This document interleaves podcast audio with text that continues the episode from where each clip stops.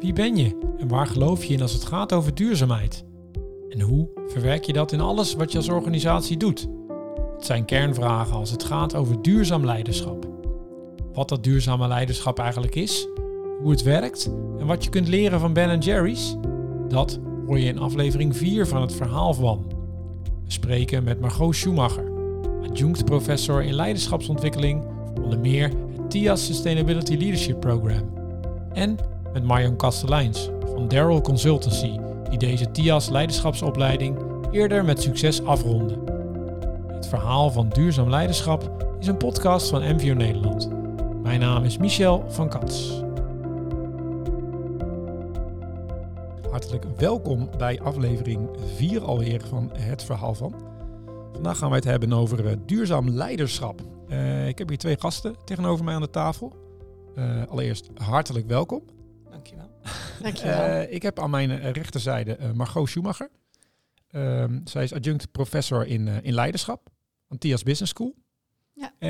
en aan mijn linkerhand heb ik Marion Kasteleins. en Marion Kasteleins werkt op dit moment bij Daryl. Daryl Consultancy als Senior Associate Consultant. Um, waarom ik deze twee gasten aan tafel heb, dat zul je als luisteraar zo meteen gaan horen. Laat ik beginnen bij, bij jou, Margot. Uh, kun je even aan de, aan de luisteraar vertellen wat, wat, wat is dat eigenlijk precies, een adjunct professor in leiderschap aan, uh, TIAS? Wat, wat, wat houdt dat precies in en wat doe je precies?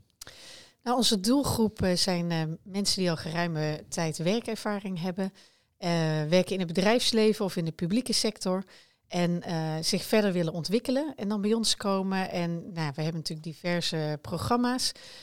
In dit geval praten we over het Sustainability Leadership Program. Maar we hebben nog veel meer programma's. En ik probeer dan samen met de deelnemers een ontdekkingstocht te doen. Ontdekken wie ben ik zelf als leider. Um, hoe zit mijn team in elkaar? hoe kijkt mijn organisatie naar leiderschap? en zo om alle deelnemers en de wereld weer een stukje verder te helpen. En wat, wat, eh, wat is jouw persoonlijke passie bij dit onderwerp? Hoe ben je zo hierin terechtgekomen? Ik uh, was ooit zelf een leider. Ik ben een ingenieur uh, bij uh, de Universiteit van Eindhoven afgestudeerd. 16 jaar in het bedrijfsleven gewerkt, bij Unilever en bij Heinz. ook grote fabrieken aangestuurd met ongelooflijk veel plezier. Dus ik vond het heel leuk om een leider zelf te zijn. Maar op een gegeven moment kwam het inzicht dat ik mensen ontzettend leuk vind. Nog leuker dan machines, fabrieken en organisaties. En zodoende ben ik het vakgebied ingerold en uh, twaalf jaar geleden de ommezwaai gemaakt van het bedrijfsleven naar de academische wereld. Kijk, en uh, was dat een, een eenvoudige omslag of wat was daar de grote... Nou, ik ben er wel een aantal jaren ingegroeid. we woonden, of ik heb ook in het buitenland gewerkt, in Amerika, in Engeland en in China. En toen we in China zaten, zag ik de enorme noodzaak voor leiderschapsontwikkeling, misschien nog wel meer dan in Europa. En dat leek me een mooi moment om, uh, om dat eens een keer uit te proberen. Dus het, was, het begon met misschien een experiment, eens kijken of dit wat wordt. Maar al heel snel vond ik het ontzettend leuk om te doen. En uh, ja, ik zou nu niet meer uh, terug willen. Kijk, komen we zo nog even verder op wat het, waarom je dat niet meer zou willen. ga ik even naar, naar de overbuurvrouw, noem ik het maar even, Marion. Uh, Marion, jij werkt sinds 2022 eh, bij Daryl. Wat, uh, ja, wat is jouw eh, betrokken? Kun je even zeggen wat je daar doet ten eerste? En ten tweede ben ik ook eigenlijk wel benieuwd naar wat is jouw betrokkenheid bij, ja, bij leiderschap, duurzaam leiderschap? Wat, wat heb je daarmee? Ja, um, ja ik werk inderdaad bij uh, Daryl. Daryl Consultancy, dat is een kantoor eigenlijk nog vrij klein. Zijn ongeveer 30 consultants zijn daarbij aangesloten. En we werken aan allerlei grote projecten op het gebied van energietransitie. En vaak een beetje aan de voorkant van een project of een, als een bedrijf, voordat een bedrijf echt opgericht wordt. Ook bij de, echt bij de grotere uh, ja, projecten van Nederland, dus zoals uh, warmtenetten, walstroom in de, in de havens. Uh, nou ja, een van mijn collega's, of een aantal collega's werken nu bij Tata Steel voor het uh, Zero Emission staal. Dus de grotere trajecten zeg maar, van Nederland waar echt grote impact gehaald wordt, dat is de bedoeling. Ja, en jouw rol daarin? Ja, ik zelf werk op dit moment uh, met name voor het havenbedrijf Rotterdam. En de meeste tijd besteed ik aan, het, ja, aan de energietransitie in de binnenvaart. Dus echt om de binnenvaart uh, emissieloos te maken. Ja, nou ja en dan, de, dan nog even jouw, ja, wat is jouw betrokkenheid bij duurzaam leiderschap? Wat, wat, wat, waarom vind je dat interessant? Ja, ik, ik heb ehm, nou, ooit bedrijfskunde gestudeerd, internationale bedrijfskunde in Maastricht. En uh, nou, dan was het idee natuurlijk dat je dan in het bedrijfsleven een mooie carrière gaat maken en als leider eruit komt, zeg maar. Mm -hmm. Eerst voor een groot consultingbedrijf gewerkt in Nederland en daarna voor een Amerikaanse club, Avery Dennison. Eerst in Nederland en daarna in Spanje.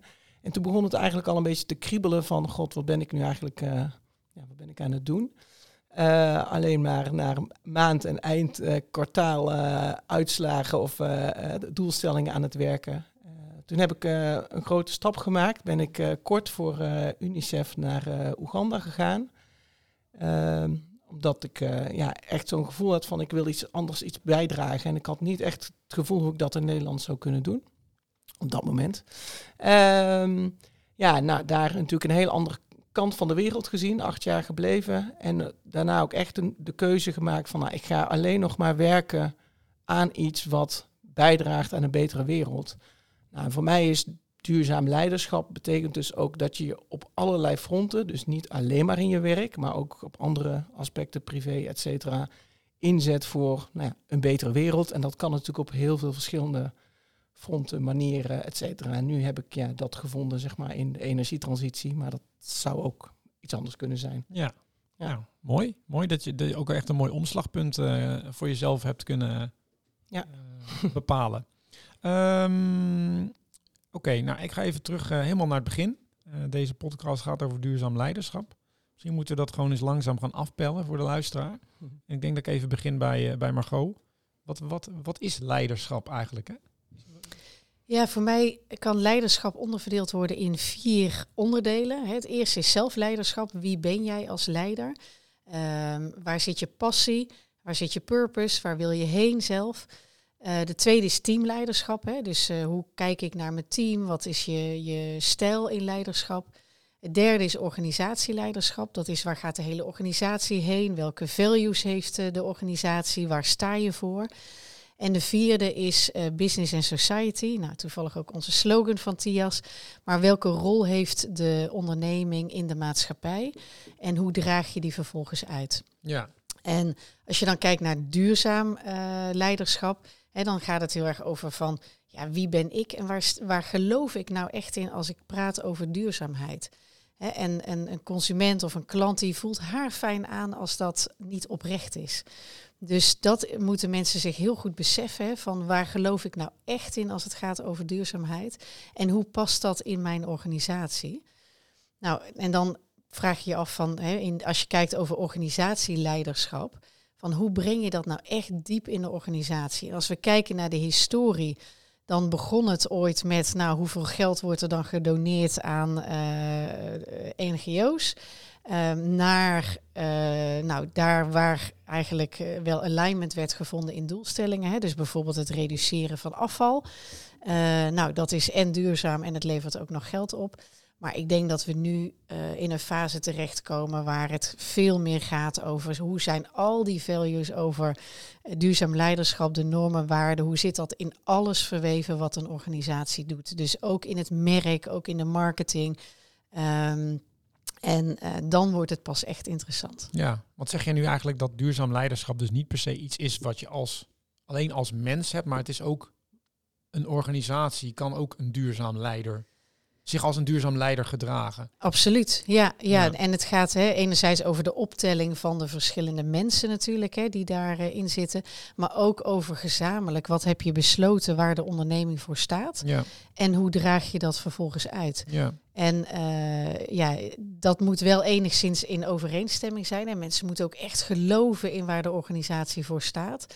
Uh, anders wordt het een worsteling. Mm -hmm. Maar uh, ja, daar waar dat echt samenkomt, ja, daar zie je organisaties wel vliegen. Is duurzaam leiderschap moeilijker dan, noem maar even, gangbaar leiderschap? Nou, waar het lastig wordt, is dat er heel veel verschillende stakeholders zijn in het veld. Hè. En niet alleen binnen de organisatie, maar ook buiten de organisatie. En dat uh, is lastig om die allemaal op één lijn te brengen. Hè. Mm -hmm. Dus soms kan dat zijn, uh, ja, investeren in duurzaamheid kost geld. Hè. En is dat er op dat moment? Is er voldoende uh, middelen beschikbaar om dat ook te doen? Of uh, is de consument eigenlijk hè, bereid om ook voor duurzame uh, producten te betalen? Ehm, soms is het ook lastig om keuzes te maken. Ik ben uh, fabrieksdirecteur geweest bij Ben Jerry's. We hebben toen een hele discussie gehad over... is het nou beter om fairtrade suiker te halen uit Zuid-Amerika... of is het beter om suiker te halen bij de boer om de hoek? Mhm. Ehm, en en dus je maakt daar ook verschillende afwegingen eh, in. Maar het op één lijn brengen van, van stakeholders in het veld en eh, de, de doelstellingen van de onderneming, dat, dat is wat het extra complex maakt. Ja, want dat is bij gangbaar leiderschap minder. Of is dat omdat het, omdat, waarom is dat dan precies anders? Omdat het eh, de belangen staan, eh, ja, st- staan, staan meer tegenover elkaar dan op sommige andere onderwerpen. Mm. Hey, diversity en inclusion kan ook heel complex zijn. eh, maar je ziet daar wel dat bij een hoop andere onderwerpen dat het wat meer dezelfde richting op beweegt. Eh, en waarbij duurzaam leiderschap, eh, denk ik, eh, ja, daar veel meer belangen spelen. Ja. Ook is het heel verschuivend. Hè? Nu de inflatie zo hoog is, nu mensen moeilijk te krijgen zijn, zie je ook weer dat het lastiger wordt. eh, of, of dat het zo snel verschuift. Mhm. Dat je ook steeds weer opnieuw moet bepalen. En hoe staan we daarin dan eh, op het gebied van duurzaamheid? Ja. Nou is het wel zo, hoe krachtiger de normen en waarden zijn van het bedrijf, hoe makkelijker die afwegingen worden. Ja. Eh, hè, hoe krachtiger mensen weten waar ze voor staan, trekken ze ook de mensen aan die zich daar ook goed bij voelen. En wordt het makkelijker om dat ook uit te dragen en daar één, eh, op één manier over te spreken. ja. Ehm, Ja, herken jij dat, Marion? Dit, eh, ja, dus als je dus bij een bedrijf aansluit waar hele krachtige normen en waarden gelden op het gebied van duurzaamheid, eh, zegt Margot, dan is het eenvoudiger om je daar je leiderschap in te laten zien of te tonen of, je, of jezelf een plek te, te vinden. Ja, ik denk zeker dat het zo is. Wat- ik wel heb gemerkt toen ik eh, in mijn vorige rol bij Futureproof Shipping als business developer echt binnen verschillende bedrijven, zeg maar, eh, de, mijn, mijn, ja, de aansluiting probeerde te vinden op het onderwerp hè, waar, waar ik zeg maar klanten voor zocht om, eh, om emissieloze schepen in het water te krijgen, merkte je toch nog heel erg dat bij heel veel bedrijven het afha- afhangt van de persoon die je te pakken krijgt. Dus ook al is een organisatie al wel bezig met die duurzaamheid op papier of in het echt, dan is het nog steeds, en dat vind ik dus ook het mooie, als je dus, hè, elke persoon in een organisatie is ook zelf weer een leider. Dus ik merkte heel erg dat het ontzettend afhankelijk is van wie je daar tegenkomt en hoe die persoon in het leven staat. Mhm. En natuurlijk is het afhankelijk welke doelstellingen dan binnen er zijn, et cetera. Maar het is toch ook nog heel erg, op dit moment nog heel erg persoonsafhankelijk. Ja. Dus, eh, dus ja, de visie van het bedrijf heeft een grote invloed, maar ook nog steeds de personen die binnen dat bedrijf werken. Hey, en als jij dan een, eh, ik noem maar even, een emissieloos schip eh, eh, moest verkopen, of ik weet niet precies wat jouw daar rol daarin was, maar Mm. en je, je proefde daarin dat die persoon aan de andere kant daar misschien minder, minder mee bezig was, of, of, of andere waarden daarop nahield. Ja. Hoe ging je daar dan mee om? Nou, dan kun je maar beter gewoon iemand anders gaan zoeken. Oké. Ja, op dat moment, zeker omdat het nog hè, echt eh, best wel pionieren was hè, en best wel voor de, voor de troepen uitlopen. Dan natuurlijk probeer je dan wel je, hè, een, een, ergens een, een vonkje eh, te creëren. Eh, en je begint in- initieel begin je, probeer je een vonkje te vinden. En als, dat, als je ziet dat dat er niet is, dan probeer je ergens een klein vonkje te maken, zodat die persoon erover na gaat denken. Ja. Maar ik merkte wel om, dat om iemand te overtuigen van zo'n gecompliceerd project eigenlijk, die daar eigenlijk nog niet mee bezig is, dat dat echt ontzettend lastig. Ja. Dus eh, in het begin heb ik dat misschien nog wel geprobeerd, maar op een gegeven moment merkte ik wel van, ja, dat daar, dat is echt eh, ontzettend lastig. Dus kun je beter verder zoeken, zeg maar. eh, Is, ja. dat een, is dat een eigenschap van een duurzaam leider? Choose your battles? Nou, ik denk dat dat er ook bij hoort. En inderdaad, die vonkjes creëren, hè, overal waar je ook maar komt, ik, dat zie ik wel als onderdeel van Ja. duurzaam leiderschap. ja. Dus, eh, Marion zei net, ik ga even naar Margot, naar Margot weer. Ehm, iedereen is een leider. Klopt dat? Is iedereen een leider? Absoluut. Iedere leider, of iedereen is iedere dag een leider in iedere eh, positie waar je in zit. Ook thuis. Inspireer je je huisgenoten om ook het afval te scheiden. Of eh, eh, na te denken over duurzaamheid. En zo is dat ook in organisaties. Natuurlijk is de top man of vrouw en het topteam is ontzettend belangrijk. Als zij het echt uitdragen vanuit intrinsieke waarden en daar enorme passie voor tonen, helpt het voor de hele organisatie om mee te doen. Maar je ziet nu ook steeds meer dat bijvoorbeeld in de onderste lagen of bij de hele jonge medewerkers uh, duurzaamheid uh, een onderwerp is waar ze veel passie voor hebben. En dat inspireert dan ook de rest van de organisatie en kan ook de rest van de organisatie weer meenemen. Ja. He, ook als dingen ter discussie worden gesteld, hele simpele dingen van hebben we wel voldoende elektrische opladers voor auto's uh, in onze parkeergarage? Of hebben we wel, als we hier een, een, een lunchen, hebben we wel duurzame opties. Uh, dat zijn ook dingen, hè, die, die, die spark hè, die jij noemt, die enorm uh, kan, kan aanjagen. En dus zou ik iedereen willen motiveren om een, uh, een leider te zijn in je eigen organisatie. En dat heeft niks te maken of je ook mensen aan je hebt rapporteren. Maar dat heeft er vooral mee te maken waar je voor staat, hoe je dat uitdraagt, hoe je anderen daarmee prikkelt en inspireert. Soms door heel kritisch te zijn, soms door juist heel enthousiast te zijn. Maar om daar iedere dag weer een stapje in te maken. Ja. Ja, zou je het dan kunnen zien als, als een soort bepaald lef of moed wat je moet hebben? Want ik kan me ook voorstellen dat er bij nou, willekeurige organisaties heel veel mensen zitten die die intrinsieke motivatie wel voelen, maar op een plek zitten misschien waarin ze niet het gevoel hebben dat zij de, degene zijn die zich moeten uitspreken hierover, of misschien op een positie zitten die hè, niet per se leidinggevend is. Um, hoe kun je er dan voor zorgen dat ook zij bijvoorbeeld eh, zich een leider voelen of daar, daar ja, bepaalde invloed op kunnen uitoefenen? Ja, nou ik zou beginnen met een moment van reflectie te nemen en te denken, waar sta ik nou voor? En waar past het bedrijf dan wel bij mij? En waar zijn elementen waar ik me eigenlijk niet zo prettig bij voel? En om je daar gewoon over uit te spreken en uh, de discussie aan te gaan, het gesprek aan te gaan met anderen, wat anderen Mhm. daar eigenlijk van vinden en hoe anderen dat zien. Het is ook belangrijk om je te verdiepen in andere mensen. Hè? Dus, dus wie zit er om je heen? Waarom denken zij daar misschien anders over? En probeer door middel van het gesprek elkaar te vinden.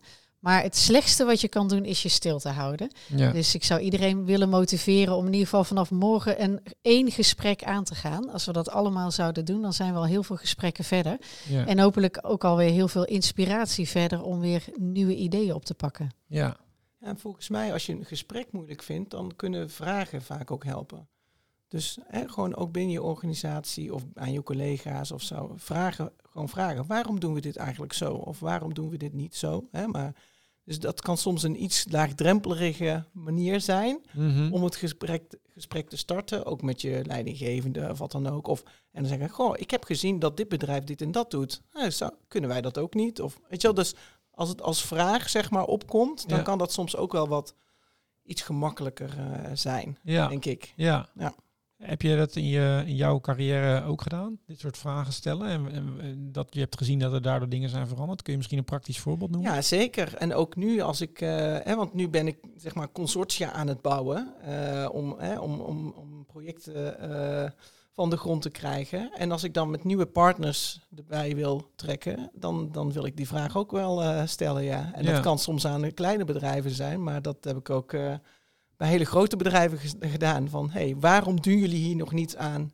En als je er wel iets aan wil doen, dan is dit het moment om in te stappen, bijvoorbeeld. Of Ja. zoiets dergelijks. Dus Ja. dan, dan dat kan net even een andere impuls geven dan vingertikken. Hè? Want dat wordt toch heel vaak geassocieerd met duurzaamheid. En oh, en dan oh, ik word weer op mijn vingertjes getikt dat ik dit niet goed doe.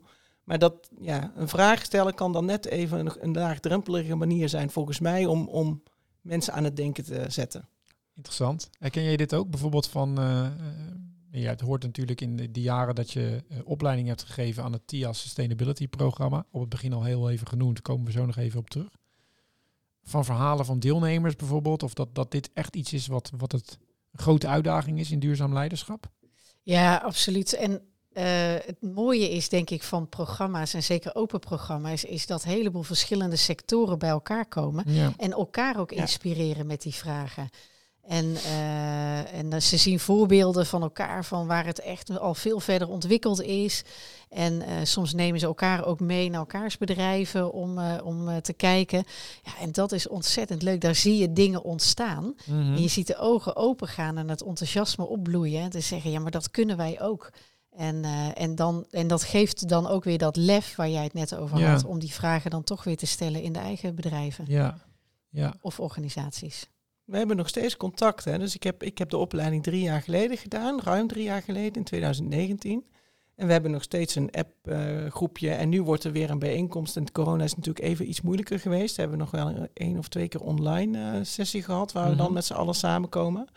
Maar eh, nu komen we binnenkort weer een keer samen als de alumni zeg maar, van 2019. Kijk. En eh, ja, ik vond het ook echt een van de leuke dingen. Dat daar echt eh, verschillende mensen uit verschillende sectoren zaten. met allerlei verschillende functies, et cetera. En ja, een paar maanden geleden heb ik ook nog een keer een van mijn mede... Nou ja, klasgenoten noem ik het maar even, hè, eh, gebeld met een bepaald thema wat ik eh, tegenkwam in mijn werk. En eh, nou, kun je elkaar gewoon even bellen, even sparren en dan weer door. En Ja. ja. dat vind ik echt fantastisch. Het was echt een leuk netwerk dat we daar hebben opgebouwd. Ja, we gaan nu al toch wel even Ja, lekker sorry. snel over de TIA's. Helemaal prima. Maar misschien moeten we het Ja. gelijk even doorpakken. Want voor de luisteraar die nu denkt, hey, dit klinkt al wel, die wordt al wel enthousiast. Ik kan blijkbaar mijn uitdagingen delen met mensen uit allerlei sectoren. En het gaat mij de moed en het lef geven om er ook mee aan de slag te gaan. Eh maar Go, kun je misschien dan heel even kort voor de luisteraar uitleggen waar gaat dit precies over? Dit heet TIA's Sustainability Programma. Ja. Een opleidingsprogramma wat we eh, samen met NVO, samen met ons, NVO Nederland doen. Wat houdt het Zeker. precies in? Ja, dus we brengen mensen samen uit het eh, publieke en het private domein. Eh, meestal eh, medewerkers die al met eh, eh, duurzaam leiderschap bezig zijn, die daar meer over willen leren, meer de, de academische onderlegging voor willen krijgen. eh, maar ook een netwerk willen bouwen met mensen die ook eh, gepassioneerd zijn over dit onderwerp. Dus het zijn een aantal modules waar we het hebben over strategie, innovatie, eh, business transformatie. ehm, en waar je do- door docenten eigenlijk wordt geïnspireerd. Hè. Wat is het nieuwste onderzoek op dit gebied? Hoe pas je dat toe op duurzaamheid? Maar er zijn ook een aantal coaching sessies. Eh, waarbij wij de deelnemers helpen om dat wat ze leren in de collegezaal ook toe te passen op zichzelf en hun eigen bedrijf. Mhm. Ehm, dus het, om het ook echt te vertalen. En wat ga ik er nou mee doen? Wat Ja. ga ik er nu mee doen morgen en misschien over een half jaar of een jaar? Ja, dus het is wetenschappelijk en praktijk gecombineerd eigenlijk. Absoluut. Ja, Ja. ja. wij vinden het belangrijk dat dat wat geleerd wordt, dat dat vertaald wordt. Ja. En eh, ja, dat mensen er echt mee aan de slag kunnen. ja. En wat is jouw eh, rol in, deze, in dit programma? Ja, dus ik geef het onderwerp eh, duurzaam leiderschap. Eh, dus wij kijken inderdaad eh, naar zelfleiderschap. Hè, wat ik net al zei, dat Ja. onderscheid tussen die verschillende soorten. Iedereen ehm, eh, krijgt dan ook een, eh, een, eh, een, een tool eh, ter beschikking. Dat is een 360 graden tool. Dus ze krijgen ook input van anderen. En die tool heet de, eh, de Inner Theater Inventory. En dat gaat ook eigenlijk over van waar sta ik nou voor? Wat zijn mijn normen en waarden waar ik Mhm. voor sta? En hoe kijken anderen naar mij? Vind ik geld heel belangrijk? Of vind ik relaties heel belangrijk? Of vind ik duurzaamheid heel belangrijk? Nou, die scoort natuurlijk altijd wel hoog eh, in ons Zou programma. Ehm, en dan vertalen we dat weer van, en hoe staat dat dan met jouw organisatie? Hè? En, en eh, hoe kijk je dan naar de verschillende normen en waarden? En zo bouwen we dat uit verder naar. En hoe kan je dan transformatie eh, voor elkaar krijgen? Ja. En, en even praktisch, eh, dit omvat een tijd, tijdspanne, hoeveel sessies? Het zijn vijf sessies plus de coaching sessies in ongeveer een jaar. Ja, oké. Wat is nou hetgene, Marion? eh, je 2019 gaf je aan, de appgroep eh, is nog levend. Maar als je nou naar de theorie zou moeten kijken, of eh, misschien ook wel de praktijkkant. Wat is nou hetgene wat je daar geleerd hebt, wat je eigenlijk tot op de dag van vandaag misschien wel gebruikt nog in je werk? Nou, voor mij was het inderdaad ehm, vooral ook een, een fundament, zeg maar, waar ik verder op kon bouwen. Dus eh, de theoretische onderbouwing van wat je ook al een beetje voelt, zeg maar. Of dat, bij mij Mhm. was het in ieder geval zo. Ehm, en ik merk wel dat ik eh, na de opleiding eigenlijk nog veel meer verder eh, ben gaan eh, nou, zelf studeren, zeg maar. Dus ik ben, ja, ik lees heel veel op de, over dit onderwerp, et cetera. Dus en, en je merkt ook wel dat het natuurlijk in beweging is ook. Hè? Dus eh, ehm, ja, dus het was wel voor mij was het echt een fundament, zeg maar, om daarna weer nog, gaan. nog verder te gaan. Ja. Ja, ja. Ja, en dat heb je tot op de dag van vandaag. Ja, Doe je dat eigenlijk, dat fundament? Gebruik je dat? ja, Ja. zeker. Ja. Ja. En ja, je komt ook elke keer weer nieuwe dingen tegen en nieuwe inzichten. En eh, ja, het is een soort van eh, reis, vind ik. eh, Ja. dat, eh, ja. Want, want dat nemen jullie, neem ik ook aan, mee, Margot. Hè? Dus dingen veranderen. Eh, zou, je, zou, zou je kunnen, ik weet niet hoe lang jij deze, eh, nu betrokken bent bij deze opleiding, maar kun je, zou je eens kunnen schetsen van hoe duurzaam leiderschap nou bijvoorbeeld veranderd is in de afgelopen vijf jaar of zo? Ja. Eh, nou, ik ben een paar jaar betrokken nu bij deze opleiding, eh, met heel veel plezier overigens. Ehm, ja, je ziet wel dat het, eh, dat het enorm aan het opschuiven is. Hè, waar het ja, twintig jaar geleden nog nauwelijks, hè, wel, proefden mensen eraan. Een paar organisaties waren wel verder. Maar je ziet nu wel dat het, dat het steeds meer ontwikkeld is.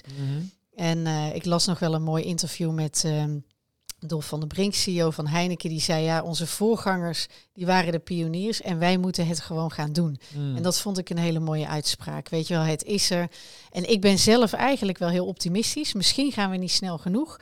Maar ik zie toch eigenlijk zowel in grote als kleine ondernemingen heel veel mensen die zeggen, ja, tuurlijk doen we aan duurzaamheid.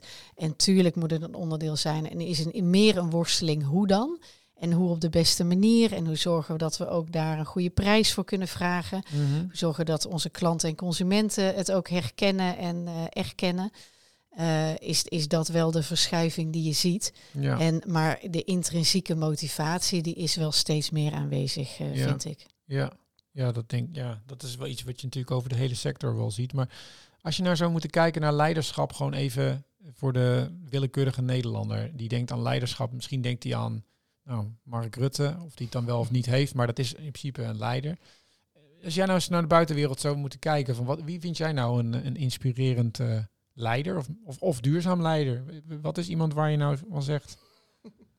Ik zie een vragende blik, dus misschien ja, een hele moeilijke ik, vraag. eh, eh, nou ja, ik, ik, ik heb zelf dus bij Ben Jerry's gewerkt. En Ben Jerry vond ik wel heel inspirerend. Ik was nog even, toen mijn vraag in de blik ging, even, ik had er eentje nog willen pakken voor Oh, die nu op dit moment eh, heel aanwezig is. Maar daar ga ik dan heel even over nadenken. ja. Maar Ben en Jerry's wa- eh, waren twee heren die echt zo gemotiveerd waren op het gebied van duurzaamheid en nog veel meer. Hè. Dus ze namen ook politieke standpunten in, maar stonden ook eh, in koeienpak zelf voor het Witte Huis te demonstreren. Mhm. Dus dat zat heel erg diep in de organisatie. Zaten die overtuigingen dat ze de wereld een betere plek wilden maken. Ja, En ja, dat is ongelooflijk inspirerend om, om eh, daarvoor te mogen werken. ja. Ehm, dus, eh, en met resultaat ook, denk ik. en zeker met resultaat. Hè. Je ziet dat daar een enorme verschuiving is geweest. De Ben Jerry's fabriek was ook een van de eerste die klimaatneutraal eh, was in die tijd. Ehm, dus, dus ja, daar hebben we enorme stappen op kunnen maken. Ja, En eh, ja, dat, eh, dat was eh, heel inspirerend eh, om te doen. ja dat geloof ik. Marion, jij ook Ben Jerry's? Als groot lichtend voorbeeld. Is er iemand waar je naar, naar, wie je kijkt? Of waar, waar je zegt van, hé, daar kan ik dingen van leren nog? Of, Ja, er zijn er heel veel. Ehm nou, in een van de, de, de, de bijeenkomsten ja, tijdens de opleiding kwam eh, Bas van Abel van Fairphone spreken. Daarna hebben we nog een reunie gehad en daar kwam eh, een van de managers van eh, Tony Chocoloni. Zijn allemaal typische voorbeelden. Maar ik vind vaak wel dat zeg maar, degene die dat soort bedrijven oprichten, en dat zijn dan de bedrijven, dat is iets anders dan de, de grote bedrijven of de bedrijven die al bestaan die iets beter willen doen. Dat zijn dan echt de, de, de, de, de, een beetje de start-ups of de nieuwe bedrijven die goede dingen willen doen. Dat is dan echt iets anders voor mij. Eh, die vind ik wel heel erg inspirerend. En ehm, ja, dan is het een beetje de vraag van wat ga je dan doen als zo'n bedrijf groter wordt? Ga je het dan inderdaad verkopen aan een hè, Mhm. groot for-profit eh, om, het, eh, nou ja, om het nog groter te maken?